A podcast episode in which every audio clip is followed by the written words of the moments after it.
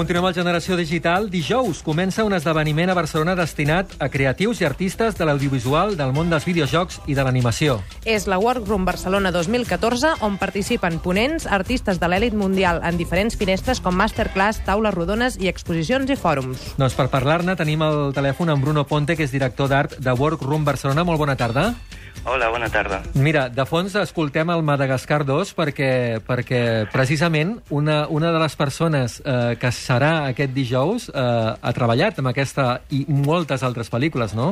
Sí, el, el Carles Rangel, que, Sí. que, que ha treballat en Madagascar i ha treballat també en, en Hotel Transilvània, La novia cadàver, en un munt de pel·lícules que, que, que l'hem vist, que les hem vist quasi tots. Molt bé, molt bé. Escolta'm, què, què, què és, eh, per què és especial aquest esdeveniment? Uh, jo he estat mirant una miqueta l'agenda i la, la gent que ve, déu nhi no? Sí, hem, he- hem intentat tindre ponents que, que, que tinguin un pes, que tinguin un, un renom. Mhm. I, i, I el que hem intentat també, que intentem diferenciar-nos per aquí, és, és parlar només d'un tema. No fer un congrés que parlem de videojocs eh, de, de, de, de totes les disciplines que hi ha dins, de Mhm. l'animació, de, de la programació, sinó centrar-nos en un, en aquest cas, la direcció d'art. La direcció d'art, eh, que, és, que, que evidentment és, és un tema eh, molt concret eh, i que... Eh, pa- Parla'ns una mica d'aquests ponents a Workroom eh, Barcelona 2014, sobretot els internacionals, primer. Pues eh, tenim el Marcelo Viñale. El Marcelo Viñale és el director de art de la Sony Pictures, Mhm. Animation, que ha estat, és el director de art de Hotel Transilvània, de... abans de la Sony ha estat a, a Disney, ha estat eh, també en l'art de Mulan, de Lilo i Stitch, déu nhi i, i també és, és interessant perquè també ha treballat per, per videojocs i ha estat fent l'art del World of Warcraft, ha estat fent l'art de, del, dels videojocs que treuen de les pel·lícules que, que fa també amb la Sony, Mhm. o sigui, tot el que és el, els productes transmèdia. Eh, Aquí estàs parlant molt de dues indústries totalment diferents, però que en aquest sentit eh, sí que s'ajunten molt, no? És que, és que eh, aquesta era la idea, poder visualitzar això, que són dues indústries que són diferents, però que no ho són tant, Mhm. i que cada vegada eh, s'estan ajuntant més. I, I ara mateix jo crec que una pel·lícula d'animació, inclús alguna pel·lícula real, eh, ja es pensa, quan, quan es desavió, ja es pensa en que es farà un videojoc. Mhm. I es Sí. farà un videojoc per, per treure amb, amb totes les aplicacions, des d'ordinadors, mòbils, eh, tot, eh, consoles... Mhm. Pau Font, uh, tu que has treballat amb dissenyadors uh, per, per videojocs, etc. Sí. Aquest és, és un país, Catalunya, que n'hi ha bons professionals. Hi ha no? molt talent, hi ha molt talent. I a més ens costa perquè com que no som una... Tot i que som una potència amb gent fent, eh, diguéssim, productes a fora, Sí. aquí fem poca coseta, Uh, moltes vegades en el món dels videojocs així, tu què ets, informàtic o dissenyador? No? I no, hi ha, més, hi ha més professions de gran reconeixement internacional, com el director d'art, o com gent que conceptualitza, que dibuixa, il·lustradors, que mm, tenim poc reconeguts aquí. Vull dir que sí que hi ha, hi ha molta gent potent, molta gent treballant per ahí. Sí. Escolta'm, uh, uh, la gent que, que vagi al World Room Barcelona, um, sobretot els seus estudiants, uh, Bruno, uh, el que podran veure de primera mà és aquest contacte amb la indústria més potent, no? Eh, sí, sí, eh, eh, era la idea. És, és, jo, jo crec que és un complement, eh, en el cas dels estudiants, de, de les escoles. O sigui, poder, poder tindre un, veure com és la indústria Uh -huh. eh, i parlar directament amb, amb professionals que estan treballant amb, amb, un, amb, amb el, el, el més alt nivell, vull dir, en, en quant a producció eh, comercial, diguem-ne. Uh -huh. Molt bé. Vosaltres, per això, uh, sou una empresa, no?, d'animació en 3D? Nosaltres som un, un, sí, una empresa un petit estudi, som Mhm. una empresa petita que, que fa, fa molts anys que, que fem animació de, per publicitat, per sèries, i, i se'ns va acudir fer, engegar aquest projecte, Uh -huh. perquè trobàvem que, que, que es fan moltes coses, però el, el fet de fer-ho, de, de, no, no ajuntaven les tot. Ja. I clar, nosaltres en, tenim encàrrecs per, tant per fer un, un, un model, per exemple, per una sèrie o per un spot, com per fer-lo per un xoc. Uh -huh.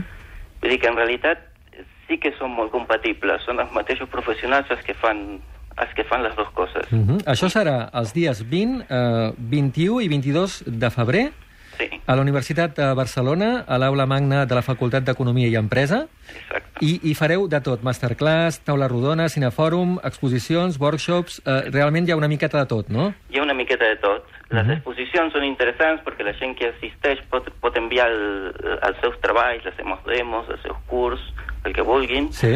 i estan constantment exposant-se. Mm. És també una eina de, de networking, d'intentar que tots ens coneixem entre tots i, i, i, i compartir experiències. Molt bé, la gent que ens estigui escoltant i vulgui eh, venir eh, en aquest esdeveniment, què ha de fer?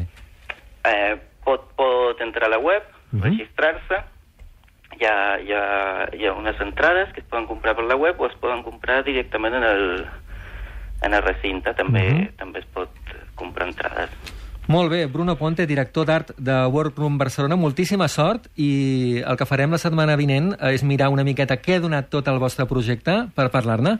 Molt bé. Gràcies i molt bona sort.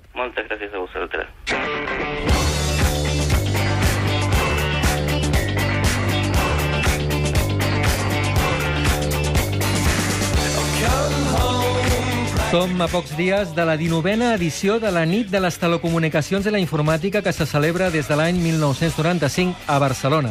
La nit de les telecomunicacions i la informàtica l'organitza conjuntament l'Associació Catalana d'Enginyers de Telecomunicació i el Col·legi Oficial d'Enginyeria en Informàtica de Catalunya. I hem parlat amb un organitzador de cada, és a dir, Joan Soler, que és president de l'Associació Catalana d'Enginyers de Telecomunicació, que ens parla de la importància de les telecomunicacions i la informàtica en el món tecnològic d'avui dia. Sí, sí, sí, totalment. O sigui, el que fa uns dies, fa uns anys era el meu PC a casa, el meu joc, i no es movia d'allà, ara a, tra a través de- d'internet, ADSL o fibra òptica, tens eh, gent jugant o treballant eh, al mateix temps contra un mateix sistema que ja se'n diu que està en el cloud, que Mhm. de fet està a la xarxa, i tothom treballa, i cada un des de casa seva, en un entorn on tothom es troba i es veu, no? És, és impensable avui en dia no, no estar connectat a la xarxa i les comunicacions. Els enginyers en telecomunicacions informàtiques són intangibles. Joan Soler. Nosaltres solem dir als enginyers informàtics i als enginyers eh, de telecomunicacions els enginyers de l'intangible, Uh -huh. eh? perquè nosaltres quan estem ningú ens veu i el que fem nosaltres tampoc ningú ho veu. És diferent d'un cotxe, un pont, un edifici, una màquina... Joan Soler, president de l'Associació Catalana d'Enginyers de Telecomunicació, ens parla també de la nova revolució tecnològica. Aquest món és el que molta gent diu la tercera revolució industrial. Uh -huh. Eh, vull dir, està canviant, ens està canviant la manera de viure, la manera de comportar, la manera de fer els negocis, la manera, diguem-ne, com, com percebem els altres, no? O sigui, tot. Gina, quan els teus fills estudin, estudiaran la tercera revolució industrial. I em diran, recordes, mama, quan va arribar internet a casa? I jo li diré, sí, sí, ens feien treballar 20 hores, no?, a la revolució industrial. Hi havia un senyor que es deia Henry Ford que ens posava tots en línia.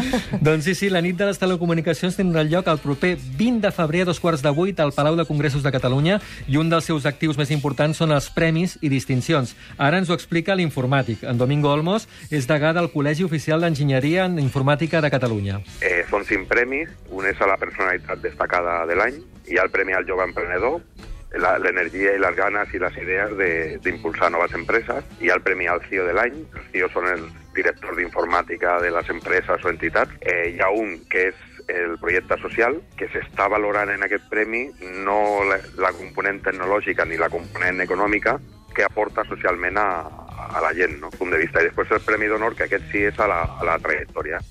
El contacte i networking del Dia de les Telecomunicacions i la Informàtica és molt important. Domingo Olmos. Bueno, sí, a veure, un dels objectius de, de, la, de la nit és passar una bona estona i fer networking. D'estadístiques que tenen ells, al final més del 85% de la gent troba feina per networking.